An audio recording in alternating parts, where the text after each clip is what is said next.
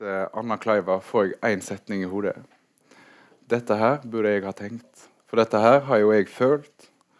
Jeg har jo vært djupt fanga av kjærlighet. Jeg har jo mista venner i trafikken. Jeg har jo vært full med en gris i Paris. Eller i hvert fall omtrent. Anna Kleiva skriver setninger som eh, på en gang er både gjenkjennelige og helt nye. Når en prøver å skrive, og det er jo noe som jeg prøver på, så blir en oppmerksom på hvordan andre forfattere skriver. Noen poeter er først og fremst opptatt av å komponere gode tekster. At alle setningene ser riktig ut og høres riktig ut. Andre poeter er først og fremst opptatt av hva de skriver om. At de har en fortelling eller en tematikk som de vil greie ut om, som de vil vise fram. Anna Kleiva gjør begge deler. Innholdet går ikke utover formen. Formen går ikke utover innholdet. Istedenfor utfyller de hverandre. De gjør hverandre tydeligere. Når jeg først leste Anna Kleiva, så plukka jeg opp boka 'Vårer' seinere. Fordi jeg hadde hørt at Anna Kleiva var en ung og kul poet. Og det er egentlig ingenting som jeg syns er kulere enn unge, kule poeter. Men boka den var ikke som jeg trodde den var. Den var ikke ironisk og distansert. Den var sår, øm, ærlig. Og ikke minst så var den så underlig klok. Så langt har Anna Klæver skrevet tre diktsamlinger. De er alle forskjellige. Men det de gjør likt, er å bygge opp et diktunivers. De bygger alle opp en stemme, et rom hvor diktene kan eksistere og spille på hverandre. Det fins ikke enkeltdikt i disse bøkene. Eller de fins, men det er helheten som gjør de helt spesielle. Velkommen til Lyrikksalongen, og ta godt imot Anna Kløyve.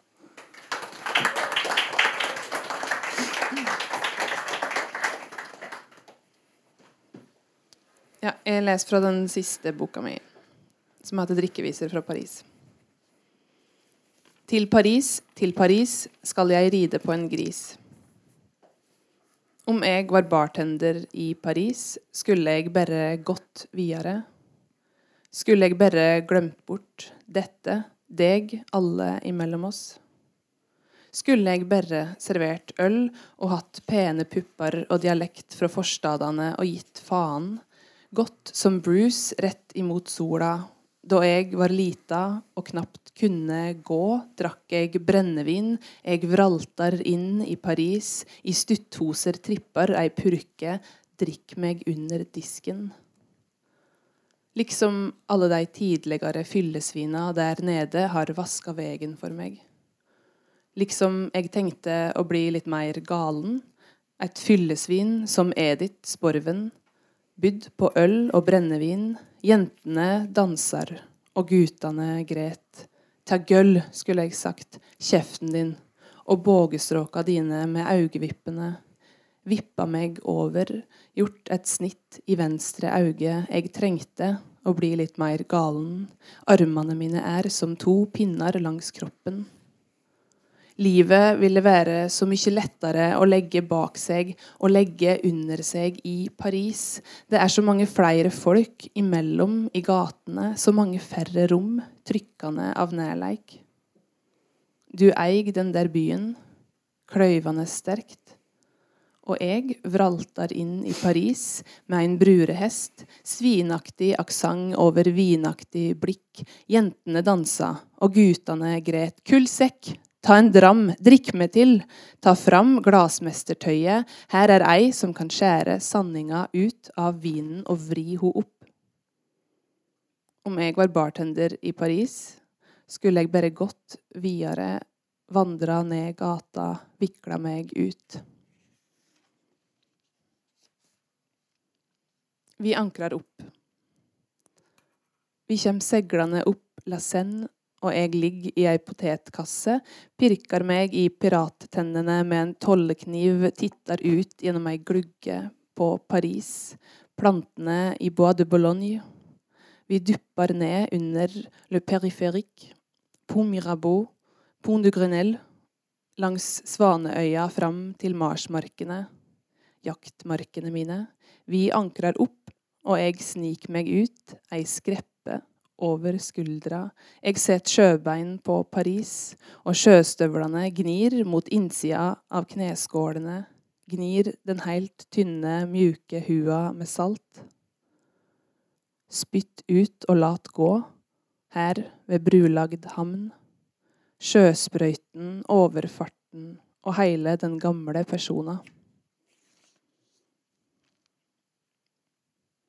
Le cœur brisé. Bergen, min barndom, et hav i bringa, stier i hjernen, i regnet, glattar gutane sideskillen pent til panna. Min barndom, eg kasta dialekta ut av munnen, ho gurgla seg opp og ut i ei skingrande spyttklyse, eg har ingen kjensler att. Pakka meg saman, der var ingen sentimentale miner, eg klarer alt.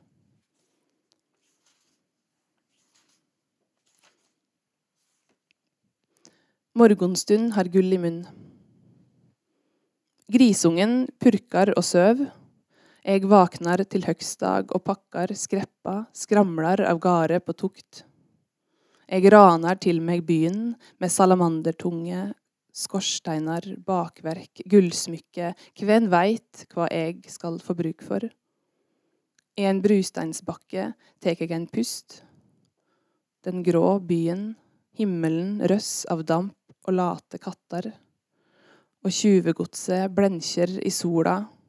Eg løftar fela fra skreppa, spelar en slått som knapt nok bær, som krøllar seg saman og forvitrar i tjukkaste varmen, blir en del av byen som hudfillene eg pirkar av nevene mine, støvet som fell fra hælane, jeg har kjeltringføtter, skitt under neglene, børse og bart. Jeg må slutte å gi meg til kjenne med den helsikes fela.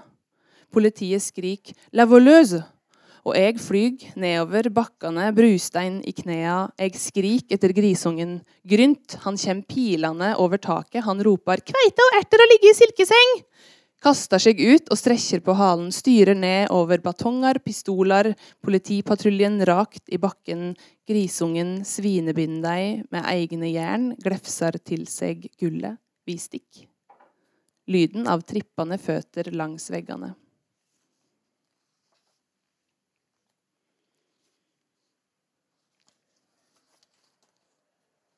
LEO Lila skråstrek bygdafest.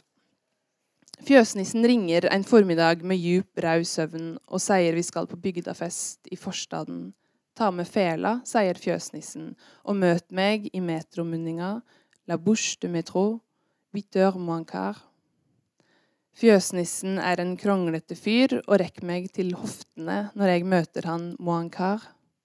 Vinen står i auga og munnen hans, vi klukkar nedover rennesteinen, renn gjennom undergrunnen i ei skitten vogn til La Porte Lila. Dette sier fjøsnissen. Du tror du har rivet deg løs. Du reiser fra landet og kutter alle bånd. Sanninga er at ei veks som meitemakk. Ut av den avkutta enden veks et smalere bånd, surrer seg om deg. Sanninga er at veien blir enda trangere enn før. Vi surrer over vegar, krysser liner, klatrer i trikkekablene.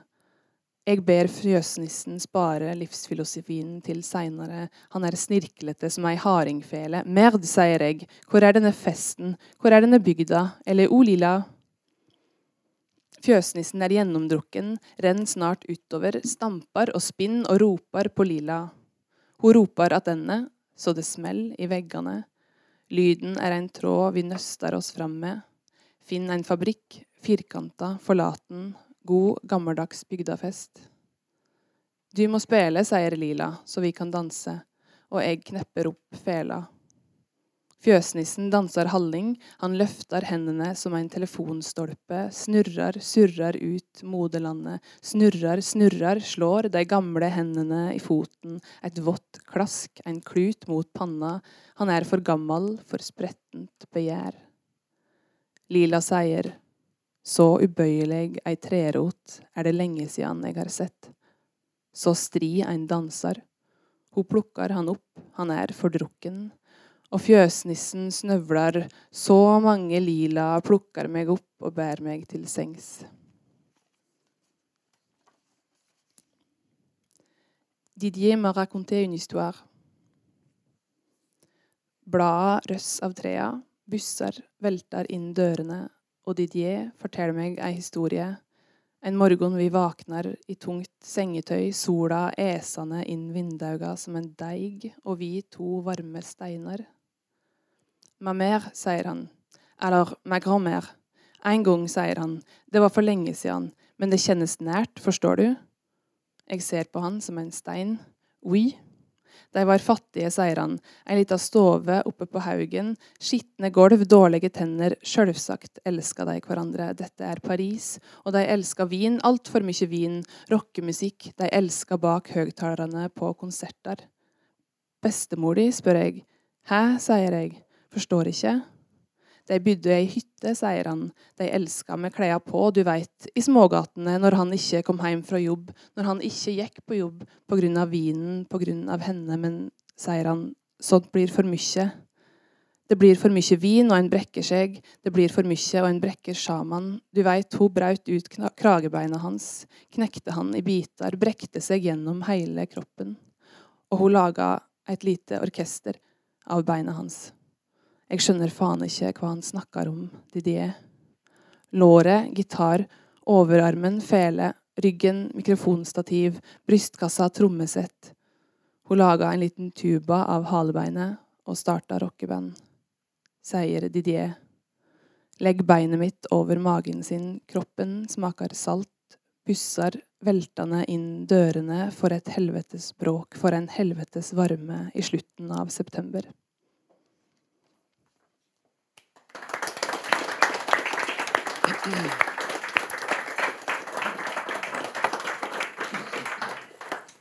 Oh, merci, uh, Anna. Utrolig fint lest. Jeg har hørt det lese før, jeg visste det. men jeg har alltid, blitt litt tatt litt på senga av sånne flotte opplesninger uansett. Takk. Uh, og velkommen til Bergen. Eller velkommen tilbake til Bergen. Du har bodd der uh, før. Ja. og du har kanskje fått med Vi har hatt, vi hatt sykkel-VM her nå. Og vi skal ikke snakke om det, altså. Men vi, men meg og deg, vi snakket rett foran at det, Folkefesten er ikke over ennå. Akkurat nå, sant? Det, er, er Biff filmfestival Biff, og så er det noe som heter Vill Vill Vest, som er en musikkfestival. Eh, men jeg tenker, og kanskje litt er det for å trøste, trøste meg sjøl, men jeg tenker i hvert fall at av alle kunstformer så er det å skrive bøker den aller, aller vanskeligste. Eh, og jeg blir i hvert fall aller, aller mest imponert når jeg ser eller leser en velskreven bok. Eh, og jeg syns dine, dine bøker bare oser av kompetanse. Og det var et kjedelig ord. Beklager det. Men det, det gjør, de gjør virkelig det. altså. Og så, og så blir en nysgjerrig. da.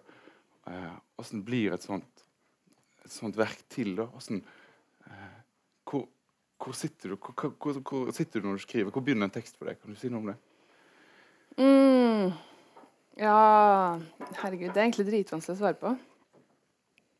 Ja, men du er jo profesjonell. ja. Altså jeg tror de liksom kommer litt sånn derre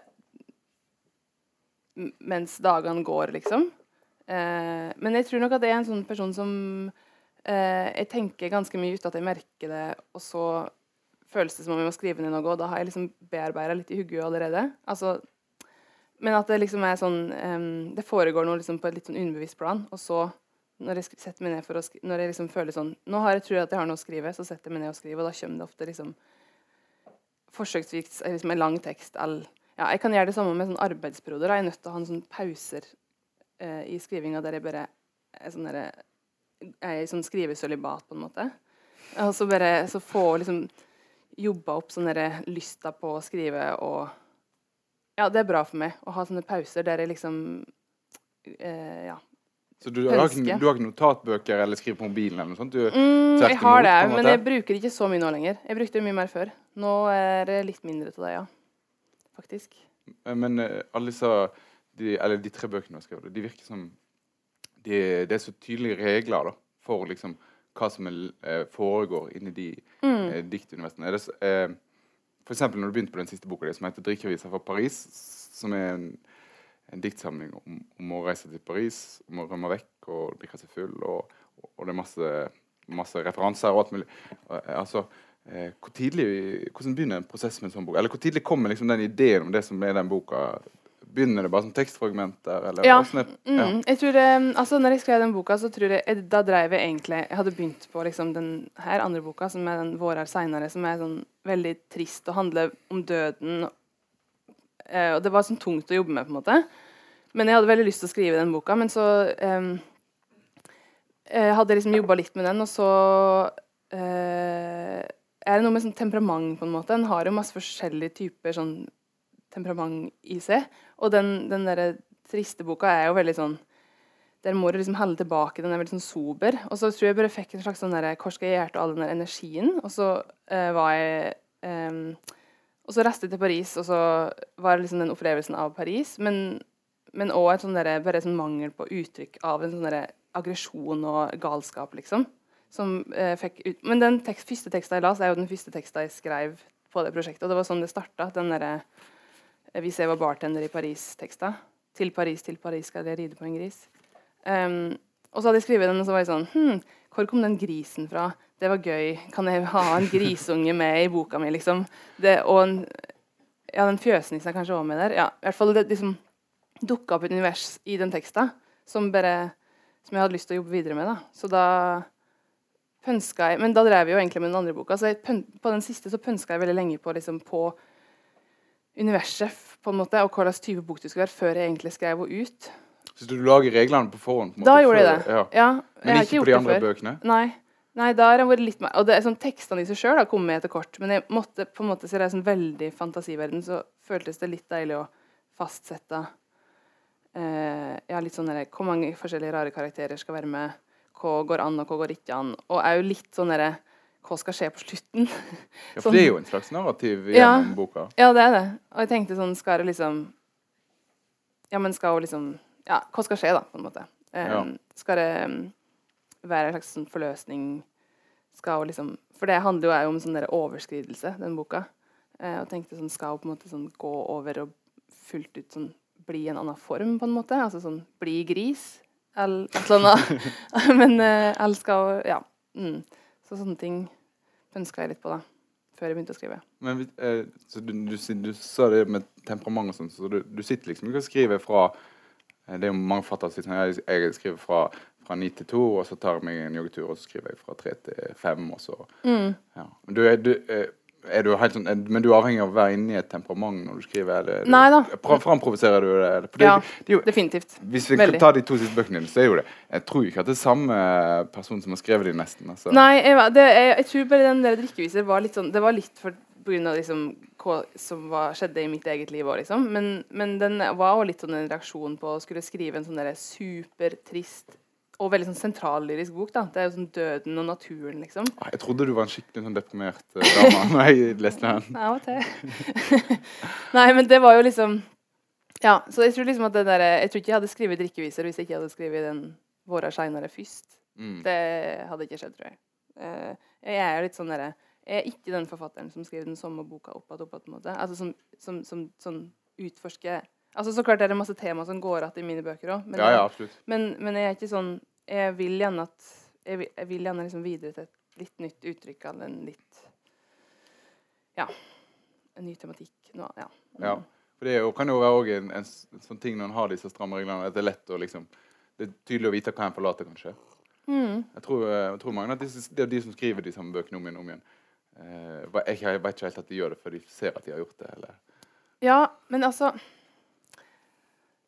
jeg vet ikke om jeg, Det er jo veldig vanskelig å se sånn der når det ligner og når det ikke ligner. da, Når en gjør det sjøl. Det syns jeg jo med mitt eget òg. Men, men, jeg føler egentlig ikke at jeg har at de reglene Jeg føler ikke at jeg har så mye regler heller, egentlig.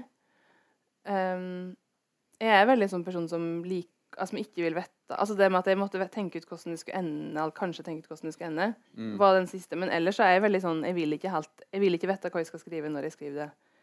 Um, det må liksom vokse fram mens jeg driver på det. Så jeg, jeg tror egentlig at jeg, jeg, tenker ikke på det som at jeg setter så veldig tydelige regler heller, egentlig, når jeg mm. skriver. Men kanskje litt sånn etter kort, at en begynner å ja, tenke liksom bok. Ja, Så nå, må ja, man få en ja, for det gjør noe med tekstene når, når, når en innser at, eh, at dette kan bli en bok. Eller at Mm. dette Ja, det tror jeg må nok det gjør. markedsføres på et vis. Eller Ja, uff. Ja, nei, det Det prøver jeg å la være å tenke på. prøver å la være å tenke på det. Ja. ja. Men har du en sånn drive til å skrive hele tida? Eller Du sa jo du, du skriver sølibat. Er du ja. eh, Sist vi hadde Lyriklang, så var, hadde vi Nils Fredrik Dahl her. Og han snakket også om sånn skrivesølibat og sa at man havna i et sånt uendelig langt skrivesølibat som man ikke kom seg ut så jeg klarte, klarte ikke å komme ut av det igjen. på en måte. Mm. Uh, så jeg, har, jeg hadde gått mange mange år uten å gi ut noen bøker. Mm. Du er ikke redd for at du skal havne i en idé eh, Jeg hadde aldri turt å gitt noen å skrive, for jeg tror jeg hadde glemt det, og så hadde jeg ikke klart å ta det opp igjen. Jeg vet ikke Nei, jeg må ha det litt sånn. Jeg må ha sånn pauser. Men jeg, det tror jeg bare funker Hjernen min funker sånn, og det er sånn Det er godt å Altså, jeg er òg litt sånn derre at hvis jeg fordyper meg i noe, så blir jeg litt gal av det til slutt. At jeg blir sånn derre veldig lei, da. Mm. Um, og da må jeg liksom ta meg en skikkelig pause, sånn at jeg liksom har lyst til å jobbe med det. Det handler litt om det òg. Um, men jeg, eh, sånn der å få sånn skrivesperre på en måte jeg bare, Det føles ikke som det kommer til å skje.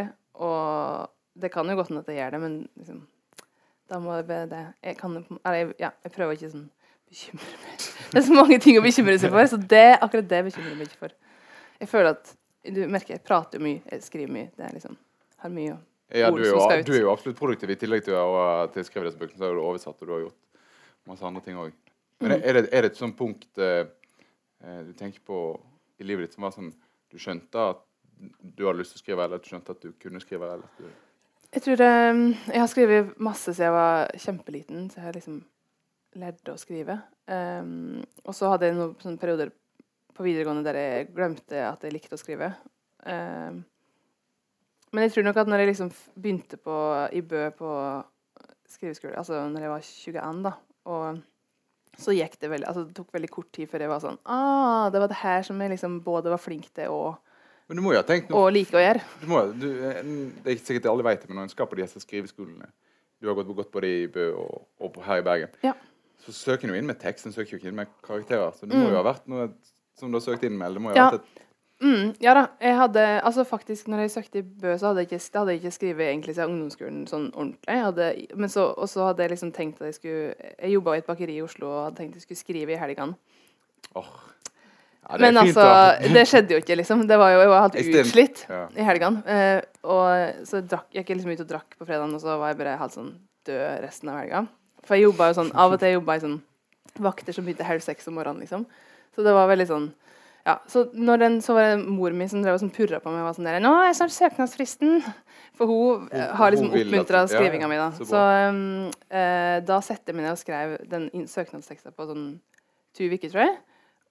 Så det var, da hadde du en sånn type eksempel på det der. At du har liksom ikke gjort noe på veldig lenge, og så bare Nå, nå setter du ned og gjør noe, og da kommer det er et eller annet som kan bli en tekst der, da. Um, så ja, men jeg hadde så jeg hadde liksom alltid, Men jeg tror ikke jeg hadde den følelsen av at liksom, det var så mye viktigere enn de andre tingene jeg òg tenkte at kunne vært gøy å gjøre. da, På den Mm. tida. Det var når jeg begynte i Bø, at jeg, at jeg liksom innså sånn at det, Hvor riktig det, det liksom er for meg å drive med det i forhold til f.eks. teater, som jeg prøvde å gjøre når jeg var 19, liksom. Som jeg ikke er noe god på i det hele tatt. Du får det som skuespiller. Mm. Men det var liksom altså, sånn, du, har sånn, sånn, du har sånn vag idé til at liksom, du, du har lyst på å uttrykke det på en annen måte. Al, altså, sånn, skal liksom drive med eller sånn kunstnerisk. Og så er det jo, det, jeg tror må liksom, av og til må en teste ut forskjellige ting for å skjønne. Men var det det liksom at, at du var flink, eller var det noe annet? Eller?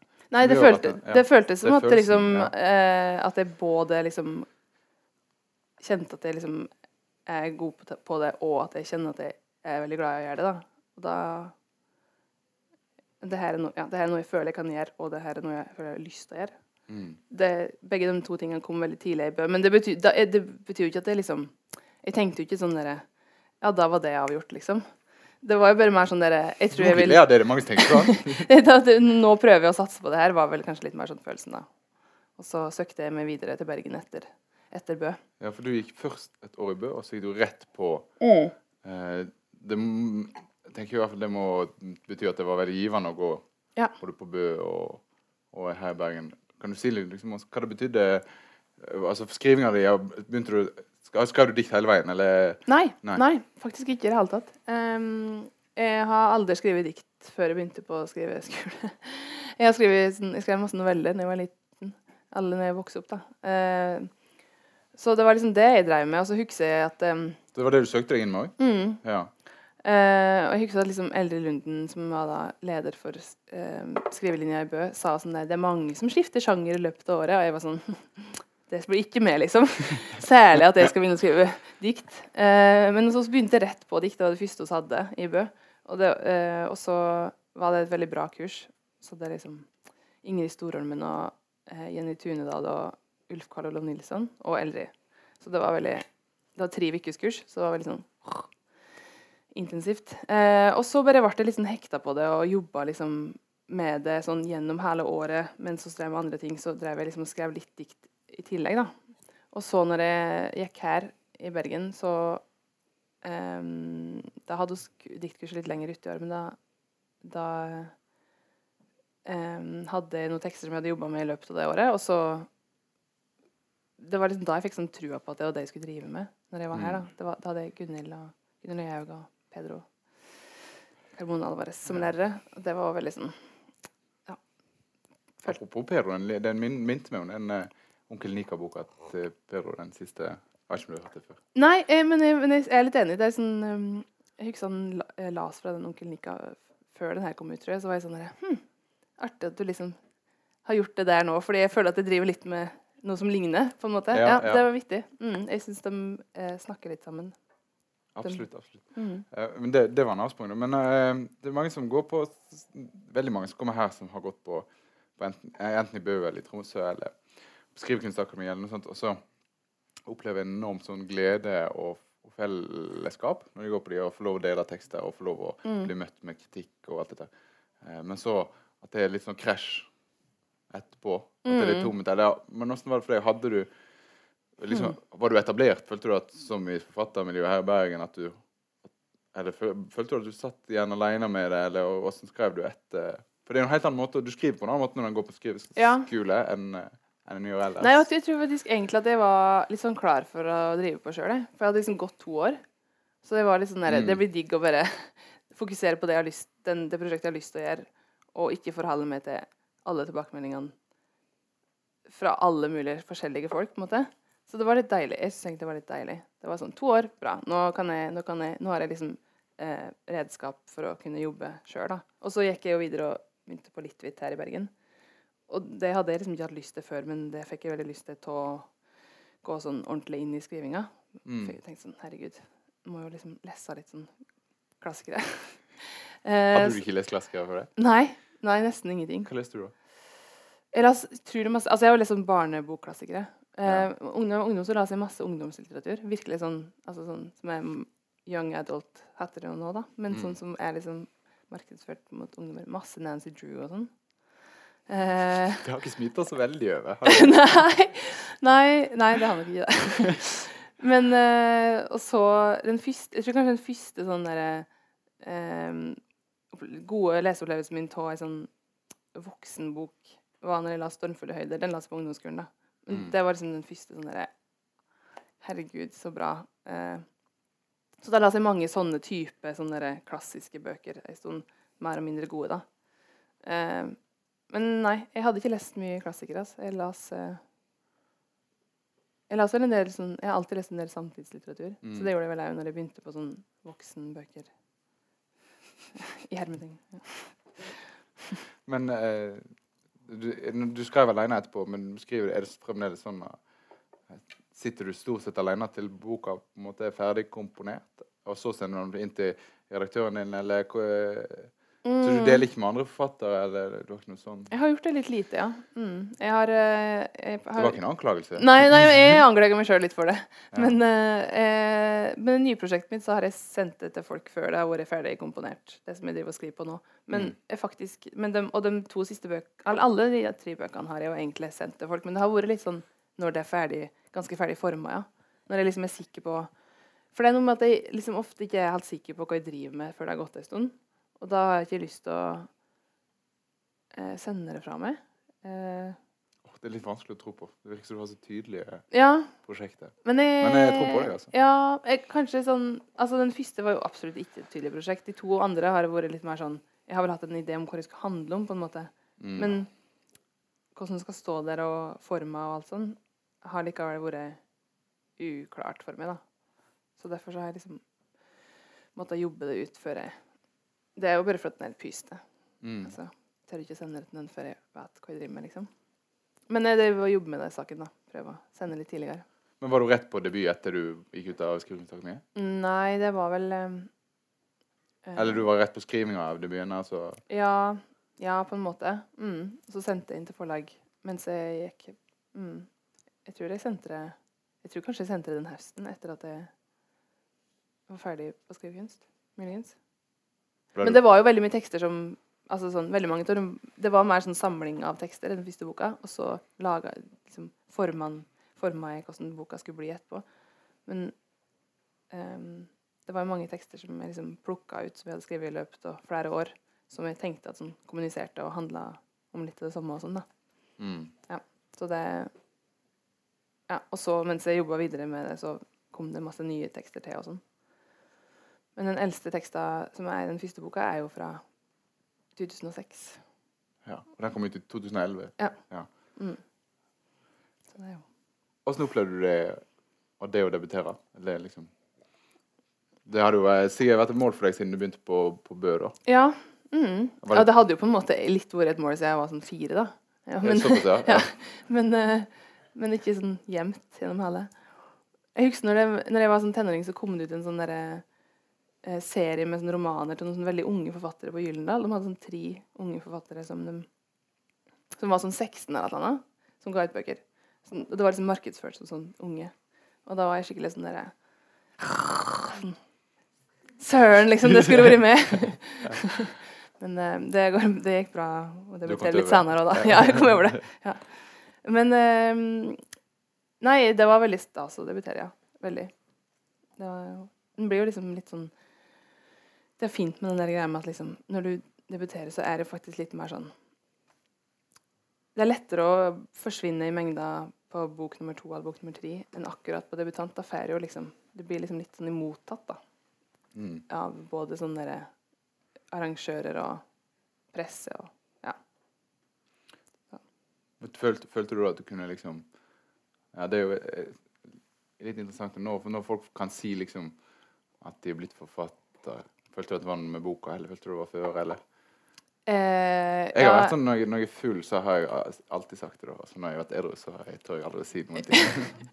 Altså, jeg husker en, en, en lærer som jeg hadde i Bø, sa en gang når var, jeg var ute med han, og så møtte oss en kompis av meg, og så sa han kompisen min Å ja, så du er forfatter? For han har skrevet to, eh, to eller tre bøker, tror jeg. Og så var han sånn Nei, jeg, ja, jeg skriver. Jeg liker ikke å kalle meg forfatter. Og så ble jeg sånn Hæ? Jeg har, jeg har bare sagt det siden jeg ga ut den første boka. Ja. Ja. ja, men du har følt det òg? Det er det som er interessant, altså, jeg det, har ikke Ja Men jeg, har ikke, jeg vet ikke om jeg har reflektert så mye over om jeg liksom jeg best, Men det er jo det jeg driver med, det jeg vil drive med. Mm. Jeg er jo det enn så lenge, i hvert fall. Det kan hende at jeg må finne meg noen andre inntektskilder etter hvert, men det, nå for tida så driver jeg liksom er jo Du har ikke gjort noe annet siden du debuterte? Har du det? Du eh, har ikke vært på bakeri? Nei, jeg var litt lærer en stund. Du var litt lærer? Ja. Det var gøy, det, altså. Veldig, egentlig. Eh, den boka som du debuterte med, er den her. Mm. Det er utrolig fint cover. Ja, Og så er det det utrolig fint bilde av deg på baksiden. Det er da eh, Maria Villasen har tatt coverfotoet, og så kjæresten hennes Espen Kjelling har tatt det bakpå. Så veldig n- ja. Keep it close. Eh, du, kunne du lest det diktet som eh, tittelen kommer fra?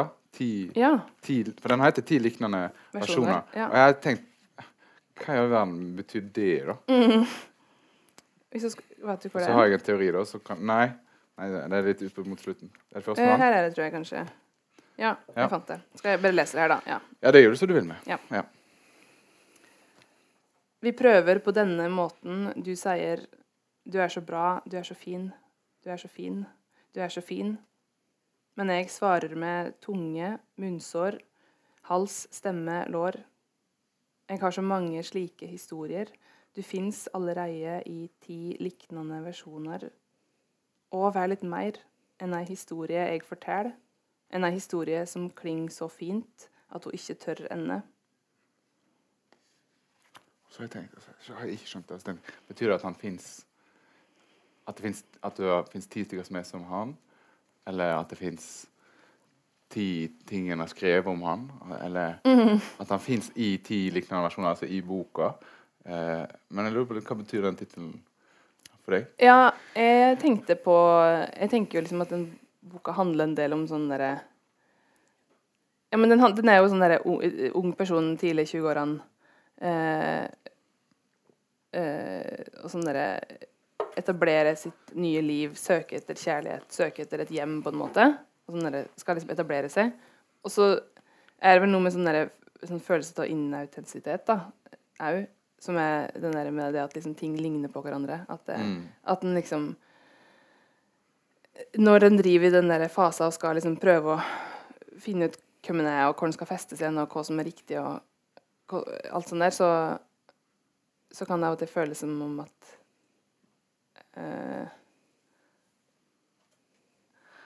Ja, at ingenting, at alt, at ingenting liksom gir inntrykk, og at alt bare lign, ligner på hverandre, på en måte. Så jeg tenker at det handler om eh, At du i det diktet ligner på mange andre du som er personen har møtt. Altså at det blir noe Mm. slags sånn derre og, og at det gjelder for veldig mange av tek- tekstene da, i boka. At det liksom er eh,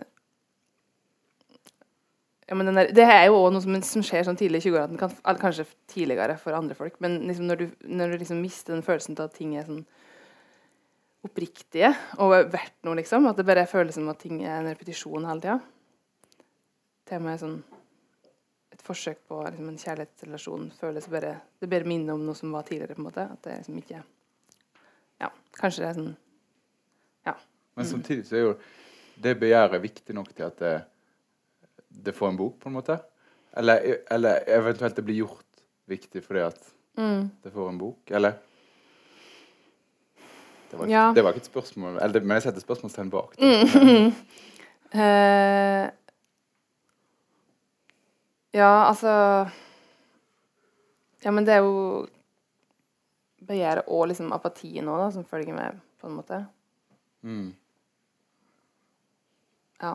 Det blir, men det blir uansett liksom ja, Sett lys på på et eller annet vis. da. Mm, Ja, mm. Når du får en hel bok. Og, ehm, åh, nå hadde jeg et lurt oppfølgingsspørsmål, så datt det ut. Eh, Å, herre. Eh, men eh, ja den, det den, Du sier jo at den boka er litt mer sånn ikke så prosjekt. Eh, Ja, liksom, hadde den, er ikke, ikke- den er ikke så tydelig som de andre, da. Der hadde jeg ikke sånn et klar idé om sånn, det her skal handle om det når jeg starta, på en måte. Det er mer sånn Det kom etter kort hva det skulle være for noe. Men jeg synes jo det jeg, jeg, jeg ser jo hva du mener. Den er jo litt mer eh, retningsløs, kanskje. Men samtidig så virker den Den, den er jo veldig velkomponert allikevel. Og den er jo liksom Den har de samme liksom Den drar lin, utviklingslinjer gjennom Ja. teksten. da. Ja, men jeg tenker, det er jo ikke nødvendigvis altså Selv om en ikke har starta på den samme måten, så tenker jeg at det er ikke nødvendigvis at det, det trenger jo ikke å synes så godt i teksten, på en måte. Så lenge en har klart Mm. å få det til å henge i hop, da. Eh, etter er, og så er jo teksten skrevet med så liksom eh, Det er så store Og det er jo de, på en måte, syns jeg, det de beste diktbøkene en som skrevet med store, åpne rom. Og Så en eh, kan legge mest mulig igjen av seg sjøl. Og det er jo Mm. absolutt en sånn bok. da. Eh, men samtidig så, og, så velger du å bruke liksom Anna Ja. som navn. Mm, sant det. eh, og så bare lurer litt på hvorfor, hvorfor, hvorfor gjorde du det? altså for, for alle kommer til å anta at det er deg uansett. Ja, altså, sorry, men det, det var litt noe Ja. poenget. At uh, dette her er liksom sånn, det er sånn rart å snakke om sånne derre eh, forventninger til at, altså sånn Dikt har jo den forventninga til at det ligger tett på Ja, ja, personen. absolutt. At jeg er, eller jeg er liksom den samme som forfatteren. på en måte. Men det er liksom alt sånn snudd på hugget nå pga. virkelighetslitteraturen. For nå er det liksom romanen som ligger tettest på livet, liksom. Men uansett, da jeg skrev den boka, så, var det, så føltes det som at det var liksom Det var litt det jeg liksom eh, hadde lyst til å eh, være litt sånn her til. At eh, det er sånn Ja, men du, ikke alle kommer til å tro at det er meg. Eh, og da kan en like så godt bruke det navnet, da, på en måte. Eh, som en, altså spille, spille med det navnet, på en Ja. måte. Um, for, fordi jeg har liksom alltid For meg har skriving alltid vært veldig sånn veldig med utgangspunkt i ting jeg tenker, og ting jeg opplever, og ting jeg føler, men, men ikke men, jeg, men, det er liksom det som skjer med skrivinga, er liksom Du har en annen tanke set, eller en følelse, og så setter jeg meg ned og skriver, og så, idet teksten er ferdig, så er det ikke en situasjon som er fra mitt liv stort sett lenger. Da er det liksom blitt blanda seg i hop med Ja, det er blitt liksom dikting, på en måte, da. Uh, så jeg har liksom aldri Det er ikke sånn at jeg Eller jeg følte ikke at de tekstene i den første boka var veldig sånn De er nært på meg, men det føles ikke sånn uh, Ja Som virkelighetslitteratur. Det føles ikke sånn sjølbiografisk på den måten. Nei, nei, det, det, det, det, var, det var ikke mitt poeng her. Men nei, men da syns jeg det var gøy å leke med, ja. med, med det navnet, på en måte. Altså, sånn, eh, men det er jo litt sånn Kanskje litt plumpt, jeg vet ikke. Det er lenge siden jeg skrev det. Det er ingenting som er plumpt i dine bøker. eh, men det, får en til å tenke liksom at eh, det, det, har et sånn et minne som er et opphav til bøkene eller til boka. Jeg tenker iallfall liksom det samme en gang når jeg ser noe sånt. Da. Ja. Mm. Altså Ja, nei, det, jeg kunne sagt mer om det, men egentlig tror jeg bare jeg skal la være. Faktisk. det er ikke gøy. Nei, nei det er helt riktig. Det, det er jo høst når den slutter, den boka. Ja. Jeg vet ikke om du har tenkt på det. Det er, er det ikke vinter? Ja, det er i hvert fall ikke vår. Det er vinterlandskap. Det, ja.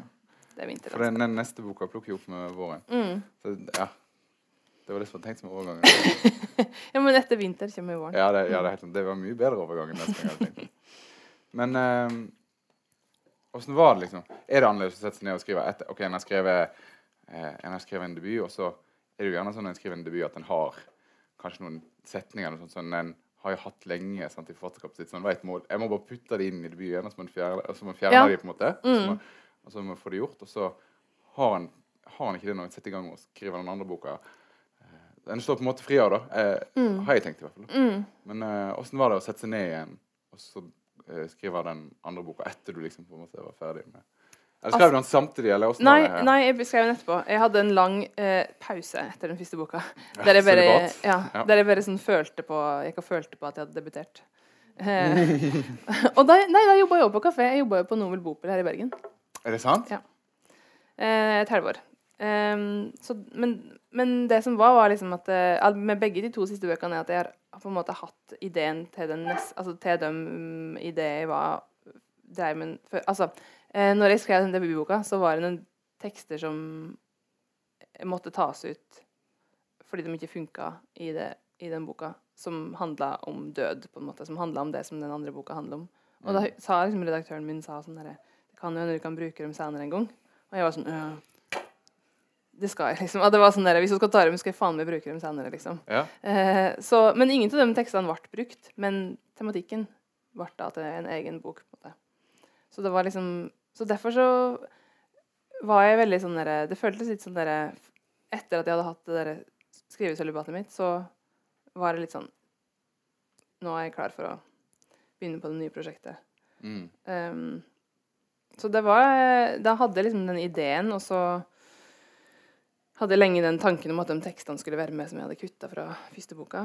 Og så eh, Jeg vet ikke om det føltes friere. Det føltes litt tryggere, kanskje. Men det var jo den første gangen at jeg hadde liksom skrevet en bok, og så følt altså sånn, Du begynner å skrive bok, og så tror du at Da du tenker sånn Den her kommer sannsynligvis til å bli en bok. Altså når jeg Mm. skrev den første, så var det bare sånn Jeg bare skrev, og så blir du antatt, og så er det sånn wow. Men når du da har blitt antatt, sjøl om en har kontrakter fra bok til bok, så føles det jo liksom som om det skal kunne gå an å gi ut den neste, da. Så ja. Og, og ideen den neste, det er jo den her som heter Våre senere. Mm. Uh, og ideen er jo den Åh, det, det er så teit å si dikt handler om ting sånn og sånn. Jeg liker det ikke. Men den handler jo om eh, om eh, Faen, altså. Den handler om dødsfall i ei bygd Ja. som kanskje Nei, det står egentlig ingenting om hvor det er. Nei. det?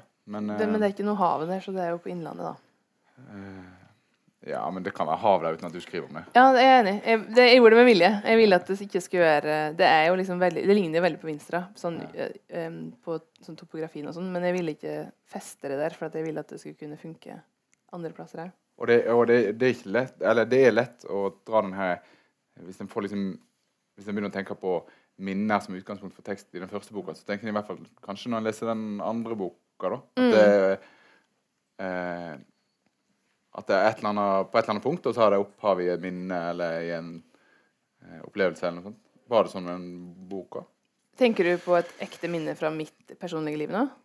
Ja, en kan jo ha minner fra filmer en har sett, eller samtaler som jeg har hørt andre ha. Men det, det er et eller annet, det, en føler liksom at det er et eller annet genuint eh, i den boka. da, At det er et eller annet genuint punkt liksom jeg, Ja, det er vanskelig å se for seg at en har bare tenkt seg til det samfunnet her, da. Mm, Ja. mm. Men det er på den måten som, som boka er konstruert. liksom, At den kan nettopp liksom droppe lange forklaringer av hva som skjer, men den kan gå rett på sak. Det, Mm. ja. Mm. Ja um, um, Altså, jeg hadde liksom lyst til å skrive Den har liksom utspring i sånn uh, at det er Når jeg var, sånn, gikk på videregående, all ungdomsskolen og videregående, eh, opplevde sånn flere dødsfall som ikke var sånn eh, Ikke sånn der bestemor-greie, men sånn, altså, sånn altfor unge folk som døde. Um, og det var ikke sånn Men poenget var liksom at det var ikke, det var ikke sånn det var liksom ikke folk helt tett. Det var ikke mine beste venner. på en måte. Det var ikke, sånn, det var ikke, mine, det var ikke mine opplevelser. på en måte. Det var mer sånn der, du kjenner, det var sånn mora til ei venninne med, eller ei som gikk året over med på skolen. Sånn, sånn folk som hun hadde liksom en relasjon til. Så jeg hadde lyst til å skrive om Hvis jeg tenkte hvis jeg skulle skrive om det her, så ville jeg ikke skrive om det så, slik at det ble en sånn derre e-fortelling der det er en sørgende person. Jeg hadde lyst til å skrive om liksom eh, bygdesamfunn der det blir hvordan sånne hendinger liksom sprer seg veldig fort ut og påvirker veldig mange eh, i et sånt samfunn. Og så hadde jeg òg lyst til å skrive om altså det spes, litt spesifikt sånn derre em, Rånekultur. Eh, der jeg vokste opp, er det mye rånekultur. Det er mye sånn Det er veldig mange som dør på veien, eller har gjort, da. Nå er det jo endra litt. Um, men det er òg en del eh, selvmord i Gudbrandsdalen. Både i min bygd og liksom lenger ja, andre plasser. Um, så den handler jo liksom um, Ja, jeg hadde liksom lyst til å sk eh, skrive om de fenomenene òg, på en måte. da. Altså, Mm. um, Du, ser, du, du, du ser liksom i sted at Paris-boka var en reaksjon på at de to første bøkene dine hadde sånn alvor i seg. Sånn. Men, ja, i hvert eh, fall den andre. Ja. Mm. men det, det, den boka er også på en måte rea- en slags reaksjon på det sterke jeg jeg i den første. Mm, Eller har jeg ja, ja, absolutt. liksom- ja. Mm.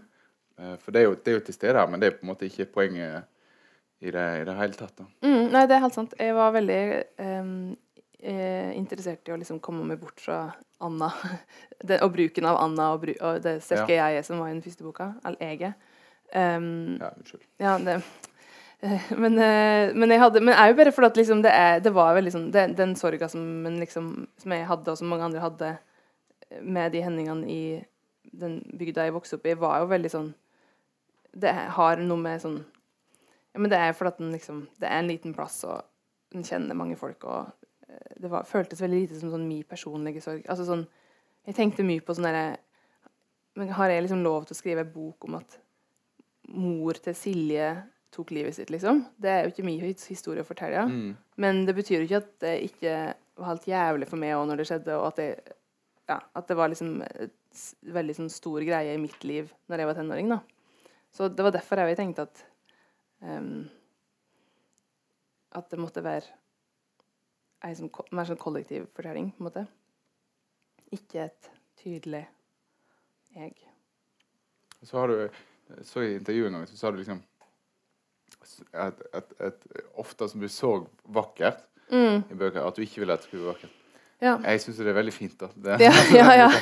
Men eh, hva, det- hva det Det virker jo litt som en sånn eh, En slags poetikk eller noe sånt, å gå inn i, i materialet. Men har du, altså, hva betyr det egentlig? Jeg skjønner, for Det er jo òg en ting. Altså, for, for, eh, for, for det er jo veldig vakre dikt. Men tenker du at du har eh, altså, hva, ja, hva betyr det egentlig? Altså, At jeg ikke vil at det skal være vakkert? Ja, hva betyr det? Mm, Ærlighet kan jo være vakkert, på det, eller oppriktig. Ja, men jeg bare tror at jeg ville ikke det skulle være sånn Men det kanskje handler om sentimentalitet, på en måte. Det er kanskje det jeg mente.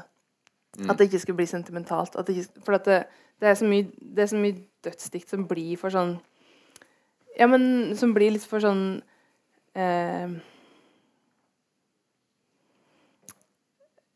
Triste Men altså, jeg syns sorga er så utrolig brutal, liksom. Og den er så Den er jo sånn der innvollaktig. Den er sånn vreng, vrenge Det føles som ting vrenges. Det er ikke sånn derre Det er ikke sånn klapp-klapp, som jeg av og til kan føle at, det, at sånn eh, dikt om døden blir. At det blir sånn Det skal være trøst. Jeg ville ikke at diktene skulle være trøst. Jeg ville at de skulle liksom at Kanskje Nøntorum skulle være trøst, men, men Nøntorum skulle òg vise sånn der innmaten av sorga, på en måte. da. Mm. Uh, for det er liksom Så leser du et eller annet dikt om døden, og så sier du sånn 'Å, så vakkert', og så er det sånn Ja, men eh, det er ikke det. Det er jo eh, helt forferdelig å oppleve, liksom. Um, så Men det er klart at liksom Det kan jo være mange ting. Uh, men jeg ville ha noen tekster som jo uh, Formidla liksom det groteske, på en måte. Mm. Det, det, er jo noe, kanskje noe som, måte, som gjør litteraturen så spesiell. At den kan ha liksom brutale og helt oppriktige opplevelser. Enten som skriver eller som leser. Samtidig som det, det er liksom helt trygt, og det kan være fint, og det kan være uh, Ja, det er rart åssen mm. det går til, da, men du får det til, ja, du får det til veldig bra. Eh, og, og så tenker jeg at vi, vi, tenkte vi skulle gå over på den siste boka di nå. Så den tenker jeg Det virker så mye vanskeligere å skrive en sånn bok, da. Den siste? Nei, altså en sånn tung Men det er det for, altså, En sånn tung bok om død, om sorg tenker, jeg, Bare fordi at det er tunge stoffer en tar i, da, så tenker mm. at, at, det må være mye tyngre å sitte og skrive en sånn bok og sette seg ned, og så må man være liksom Jeg må nesten være trist eller bli trist mens en skriver, da. Mm, mm. Eh, var, er, var, er, det litt sånn når en skriver en sånn bok, eller? Eh, ja, jeg syns det var litt sånn Det var litt sånn tungt mentalt, ja, å gjøre det. Men òg fordi at det, eh, mitt liksom Det er mye som jeg prøvde å gå inn i for å komme til de, de tekstene, var jo liksom gamle ting som var fra mitt eget Sånn en gammel sorg, personlig sorg, som jeg skulle mm. liksom tilbake til. Men eh, men det var, ja, det var veldig sånn Jeg syns det var ganske slitsomt å jobbe med den. Men, men det føltes så Men det var veldig sånn eh, fint, liksom. For at jeg hadde lyst til å skrive om det, og, og så følte jeg liksom at det Jeg tror vel jeg Altså, du har jo alltid sånne usikkerheter, på en måte, men det føltes som om at jeg liksom fikk det Altså, ja Fikk det litt til, på en måte. Eller jeg tror alltid når jeg skriver, så har jeg en sånn blanding av at jeg føler at jeg er helt dritt, og at jeg er veldig flink, da. Eller sånn Yes, det her, det her, var bra. Og så er det liksom neste dagen du leser, så syns du det er drittdårlig. Men, ja. men Nei, jeg, jeg, tror på en måte Det føltes sånn bra å jobbe med det, men det var veldig slitsomt, syns jeg. Men, jeg. men, det var òg veldig slitsomt å skrive den tredje boka, på en måte. Om, for den er sånn der, Da skulle jeg inn i en sånn helt Altså komme inn i det derre galskapsmodus ja, for må en liksom, liksom. liksom skrive seg drita mens en skriver en sånn bok? Ja, eller? altså jeg måtte Jeg prøvde veldig mange teknikker for å komme i det moduset. En av dem var sånn der å høre på veldig intens Jeg brukte jo veldig mye musikk, for den er jo da Jeg ville jo liksom at det skulle på en måte ligge sånn tett opp til folkemusikk og mm. være litt sånn derre Jeg ville at diktene skulle bli litt sånn kroppslige og uh, invigorating, på en måte. Hva er det det heter for noe? Mm. Jeg kan verken fransk eller engelsk. Ja, uh, men i hvert fall sånn gi energi til leseren, ja, på en måte. Uh, sånn som jeg syns liksom at jeg, jeg, kan få til folkemusikk, på en måte. Da. Jeg blir litt sånn, blir litt sånn sprø til folkemusikk. Ja. Um, er det sant? Ja. Jeg blir veldig Ja. ja det er noe Men det er noe De sånn andre bytter du kan Det er noe veldig sånn derre jeg vet ikke. Det er jo logo, veldig mye til det er jo logo for dansing, da, så det er jo noe med det, kanskje. Men i hvert fall så prøvde jeg, når jeg skulle skrive den teksten, så satt jeg sånn og eh, nihørte på folkemusikk sånn veldig høyt. Og det er jo, jeg er veldig glad i det, men det kan bli litt mye, liksom, for det er sånn felegnikking. Så bare, det, og så skal du prøve å konsentrere deg samtidig, så det var veldig slitsomt. og så avveksla jeg litt med fransk hiphop, som òg er veldig mye mas. Så, men det var gøy, men det var liksom Ja. det var, ja jeg, føler at jeg jobba mer for å komme inn i modus med den boka enn med den triste boka. Det er lettere å bli trist enn å bli sånn eh, full ut av å være full, på en måte. Ja, ja. Det er, jo, det er jo sånn en, eh, hvis, en, hvis en jogger, for eksempel, hvis en jogger, jogger på høy intensitet, så må en jo jogge seg ned. Jeg Ja, Mm. Var det sånn at du måtte skrive det ned? Måtte du skrive noe dikt om døden etter du hadde skrevet om Nei. døden? Nei. Nei.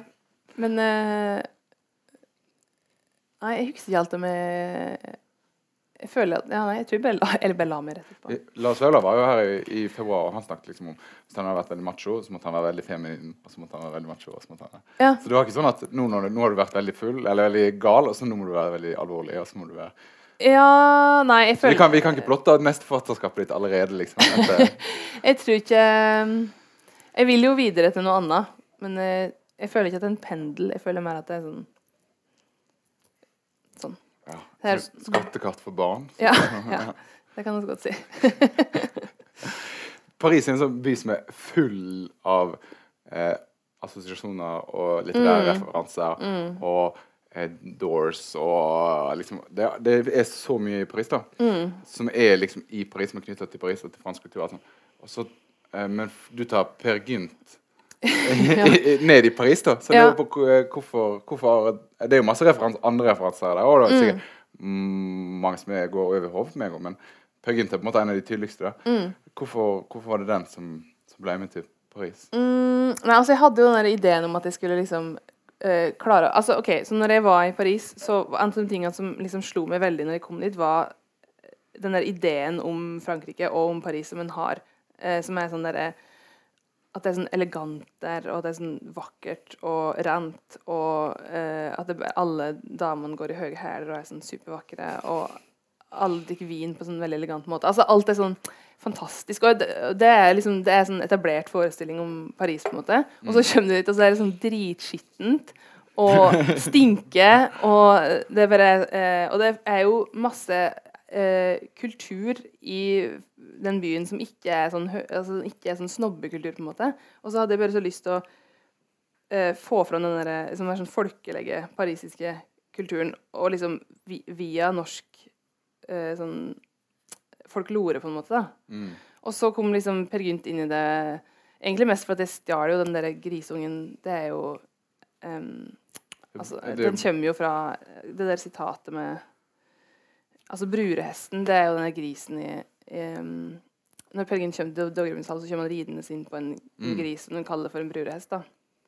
Eh, og så, så den kom liksom fra der, og så bare Og så er jo, ja Per Gynt jobber jo også masse med, med sånn folklore. Eh, og i tillegg så er det noe med den den karakteren som liksom er sånn derre åh, Norge Han rømmer liksom fra Norge og skal liksom slå seg opp i utlandet, og så finner han på masse sånn eh, usympatiske ting og masse dritt, på en måte. Som jeg bare Jeg syns det var liksom en gøy parallell til den eh, kvinnelige hovedpersonen i, i min bok, da, som på en måte eh, er jo sånn bare rømmer unna et eller annet. Eh, som du ikke vet hva er for noe, men som bare hun ikke forholder seg til. For, for, det, for det, det er lett å tenke liksom sånn OK, her, ditt forfatterskap er to alvorlige bøker her, der borte, og så er det ei sånn fest og fyll-bok her borte. Men det, men det er jo ikke det. altså Det er jo et eller annet, eller det er jo mye fest og fyll, men det er jo hele tida et eller annet Du føler at det ligger et eller annet alvor bak Ja. her, da. Ja, jeg tenker at det er veldig sånn eh, En slags sånn derre Det er noe sånn destruktivt i bunnen av den derre Det er noe som hun prøver å slippe unna, liksom. Og jeg tenkte at det var ikke så viktig hva det var for noe i den boka. Det viktigste var sånn eh, hva som skjedde, eller hva hun gjør. Altså den der, den der maniske greia som en kan få når en liksom ikke vil forholde seg til noe, da. Som ofte som kan, Det trenger ikke å være alkohol der, liksom, men bare den derre Du må liksom drive med noe hele tida. Mm. Um, og så går den litt over uh, grenser, og noe, noen av grensene er bra kryss, og noen er ikke bra kryss. på en måte. Per Gynt, for eksempel, blir jo, han går over mange grenser som ikke er så bra kryss. Men han er jo liksom sånn, han er jo sånn, der, er jo sånn symbol på liksom nordmannen, på en måte, eller norske, da. Eh, så han føltes sånn bra å ta med inn sammen med Fjøsnissen, på en måte, Mm. i ei bok om folkekultur i Paris. Ja, for det, ja, det ligger det, ja, det ligger jo litt Altså tittelen altså, 'Drikkevise' Den heter jo 'Drikkevise fra Paris'. Mm. Eh, og drikkevise eh, altså Sjangeren drikkevise er jo bare en hyllest til vennskap og til å være full, liksom. Men det er jo noe mye mer her, da. Og ikke er det viser heller. Nei. Altså, det er jo, det er jo på en måte eh, den løgnen som hun forteller til seg sjøl, og det er på en måte den som er i tittelen, har, Mm. har jeg tenkt. Mm, mm, absolutt. Det er det er tekst som eh, har sånn rytme som går an å tonesette. Eh, men ellers så er det ikke det. Det fins jo den eh, eh, leste du, Det var det første diktet du leste i sted. Det fins jo tonesatt. Ja, det? det er sant, det. Mm. Ja. Bare for å slå i hjel mitt eget argument at det ikke var visere. Ja, men, men eh, ja, Erlend Viken har uh, gjort det. Han uh, har jeg òg jobba med Uh, han, Jeg gikk på musikklinja med han. Han er jo da folkemusiker. mm, Um, han har også har gjort det sånn show, skal jeg si, opptreden sammen, der jeg har lest og han har spilt.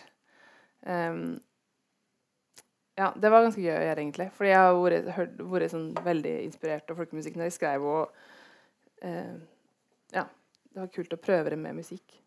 Prøvde liksom å få det til å krangle litt, ikke bare være sånn derre veksling. Altså sånn musikken akkompagnerer lesinga, men at det skulle liksom mm. Ja. Eh, jeg, ser, jeg ser vi, vi egentlig går mot slutten, men vi, Mm. vi, vi er faktisk helt nødt til å Vi er nødt til å snakke om de eh, For du har, du har jo jobbet som oversetter òg. Ja. Eh, og den gjorde du jo først. Den boka som ligger her, mm. som heter Ja, du kan gjerne gi meg komplimenter for min, min perfekte fransk. Den heter Cœur de Lion. Cœur de Lion. Ja. Mm. Men den er jo Den er, skrevet den på er engelsk. fransk. Nei. Nei, nei, nei, nei. Den Men den har, den har en fransk tittel allikevel. Uh, som er skrevet av uh, Ariana Rains. Uh, kan du ikke si litt Det, er- det en nydelig, nydelig bok. Eh, eh, kan du ikke si litt om, om hva bok det er, og hvordan den ble til?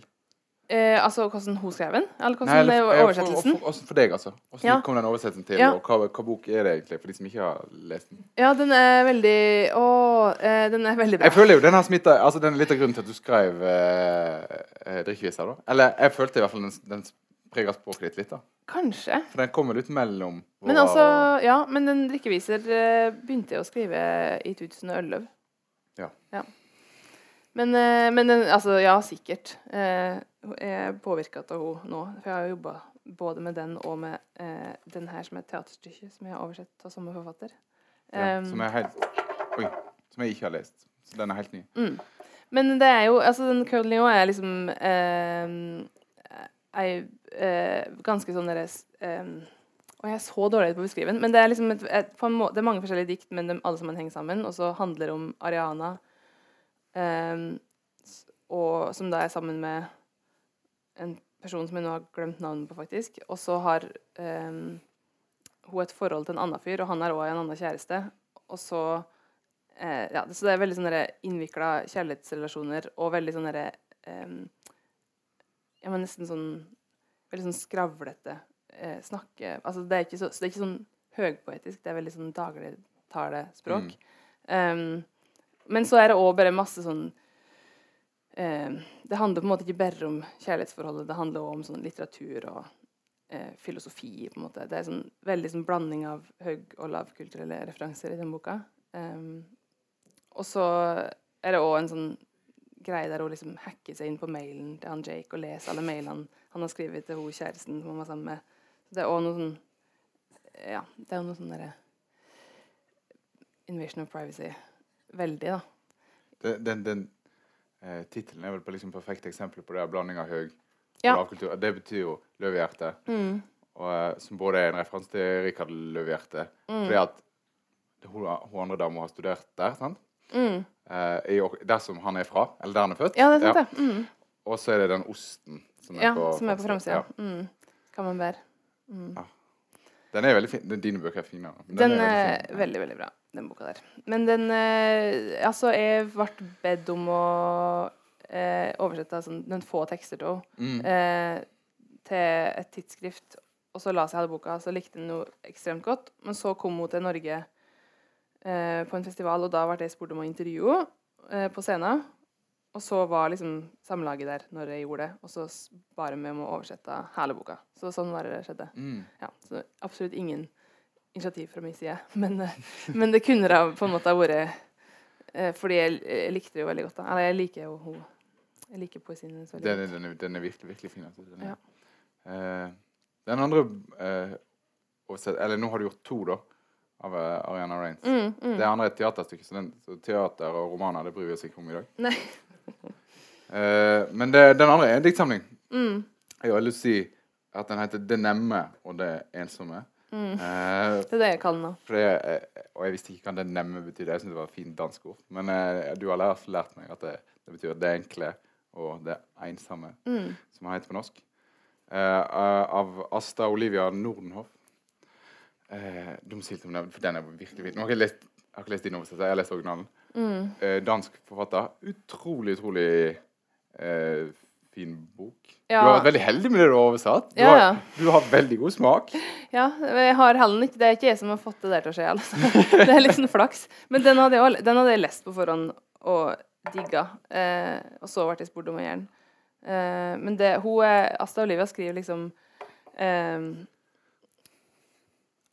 Altså, hun er, kommer liksom fra en sånn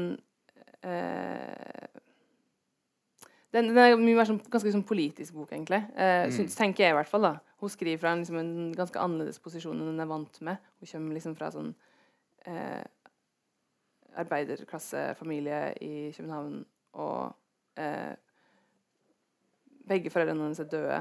Eh, og, og det er mye sånn alkoholmisbruk og psykisk sykdom og sånn i familien. Så det er en sånn derre Men det er også sånn derre veldig sånn Det er ganske mye minnearbeid i den boka der òg. Og liksom planene flyter veldig sammen. da, sånn nåtid og, og datid. Eh, så det er mye sånn ehm, Hun har sånn fantastisk kombinasjon av sånn veldig poetiske og veldig politiske eh, setninger som eh, Ja, den er utrolig bra. Ja, det, det, ble, det hørtes ut som sånn der reklamesekund Ja. på slutten. Altså. Men, men jeg følte eh, og vi har, og, eh, For vi var egentlig ferdig med den tida vi har. Men jeg følte du må, måtte bare nærmest da. Mm. Ikke bare fordi at du oversatte, men fordi de er jo utrolig fine bøker, Ja, begge to. da. Mm. Så det, eh, ja.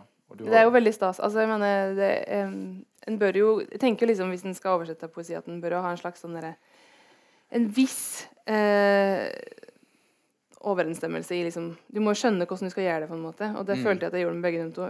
Tenkte liksom at jeg kunne klare å oversette den tonen, på en måte. jeg syns de eh, passer veldig deg som forfatter, da. Ja, men jeg tenker at eh, Men jeg, det er jo òg veldig stas å jobbe med ting som en liksom syns er så bra. Mm. Um, ja. Mm. Jeg tror kanskje eh, vi, vi skal ikke haste oss av gårde på noen som helst måte. Altså, fordi at eh, vi må ta oss tid til, til å høre noen flere dikt helt på slutten. Eh, og gjerne fra Skal ikke jeg bare lese fra den her? eh, du, er nødt, du er nødt til å lese litt fra debuten din òg, i så okay. fall. Men du kan lese litt fra begge to. Eh, litt fra, fra det enkle og det ensomme, og Ja. litt fra debuten din. Kan vi være enige om det? OK. Eller ikke litt. Litt mye. Vi, har, vi tar litt mye. Det er så fint å høre deg lese. Um, OK. Jeg vil ehm,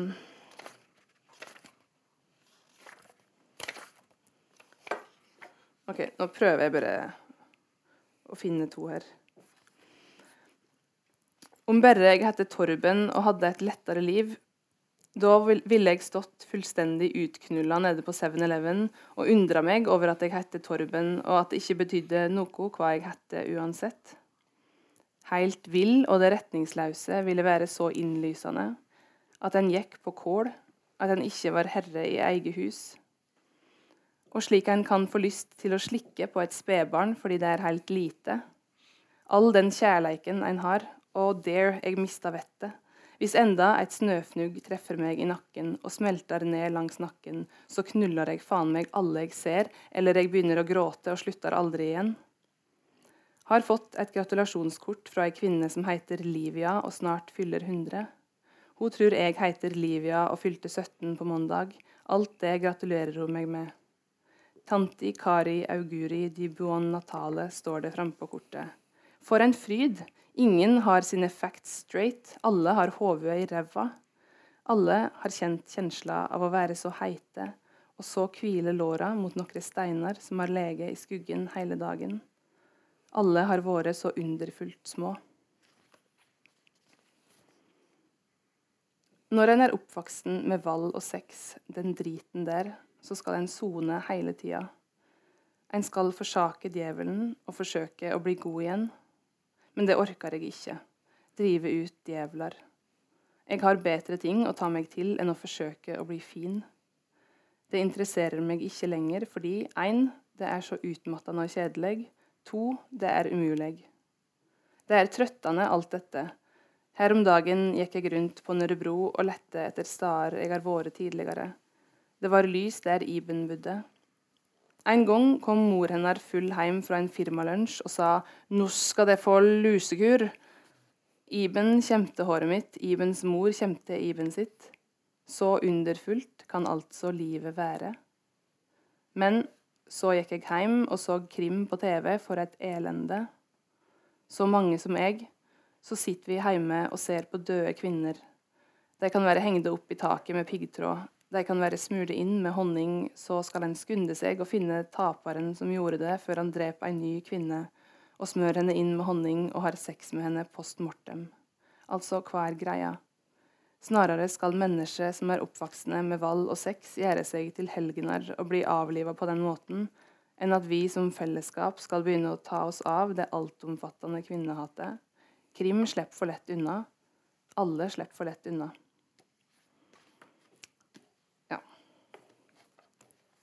Um, men her er jeg litt mer i tvil om uh, hva jeg skal lese. Ja, da får du bare ta alt. ja. uh, det er jo så lenge siden jeg har sett i den her.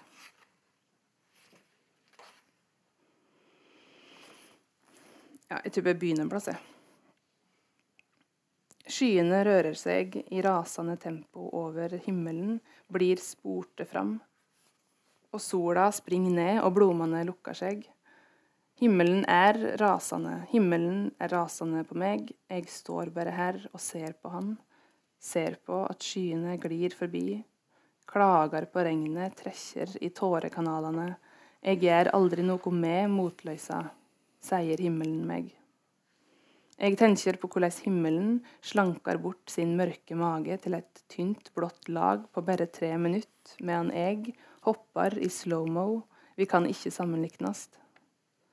Himmelen er egentlig ikke i posisjon til å si noe som helst. Han veit ikke hvordan det er å være nedbrytbar, bunden av tyngdekrafta og sulten.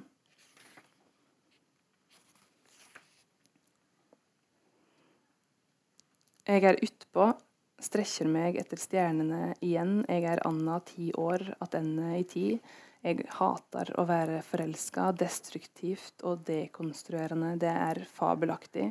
Hvor mye tid jeg kan bruke på ett ord du sikkert slengde ut helt tilfeldig, et oss. Du skifter form. Du går fra oppeldende til unnskyldende til oppeldende. Og jeg kan fortelle deg hva jeg er innst inne. En røyker, en romantiker, ei riktig pyse stjerner i blikket og kravstore never, og med lita skrift Åpne opp nevene dine, åpne opp mot meg.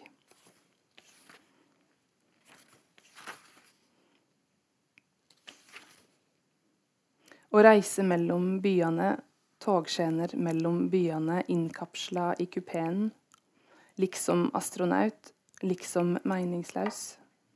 Snø over fjellet, softis i velkomstgave, byen slikker henne i seg, sier ta godt imot Anna. Her får hun klemmer på perrongen og er litt glad, og lurer på hvor hun hører heime. På vegen attende, togskjener attende, er tankene de same, vektløse, ute av kontekst. Hun får regn i velkomstgave, byen sier ingenting, men det går greit. Hun er hjemme eller ikke hjemme. Hun tenker 'home is where the heart is', men hjertet er ingen steder. Det banker stillere for hver dag.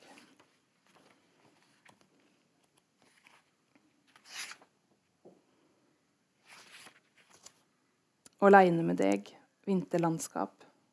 Stilla er tjukk. Frosten ligger i lufta. Små iskorn som sola avslører før hun slipper taket på fjellsida, dreg med seg rauheita, gulheita, raspar over jordskorpa, over andre land som ikke er aleine med deg, som ikke kjenner iskorna karve kinna raude. Som er i fortida, som står opp når sola vår går ned, og let skuggene breie blåfarge under øynene mine. Den totale, kompliserte kjensla av å være her. Ikke vite om jeg skal lukke munnen eller nytte tunga.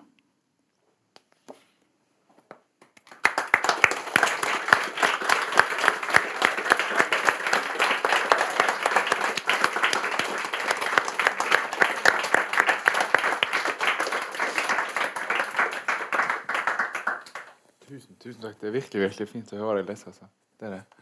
Ehm, da vil jeg bare si til slutt at vi er sponsa av noen. Vi er sponsa av eh, Hordaland fylkeskommune og eh, Forfattersentrum. Og vi eh, Fritt ord. Fritt ord. Ja. Eh, Lyrikslangen er en månedlig serie her på eh, Litteraturhuset i Bergen.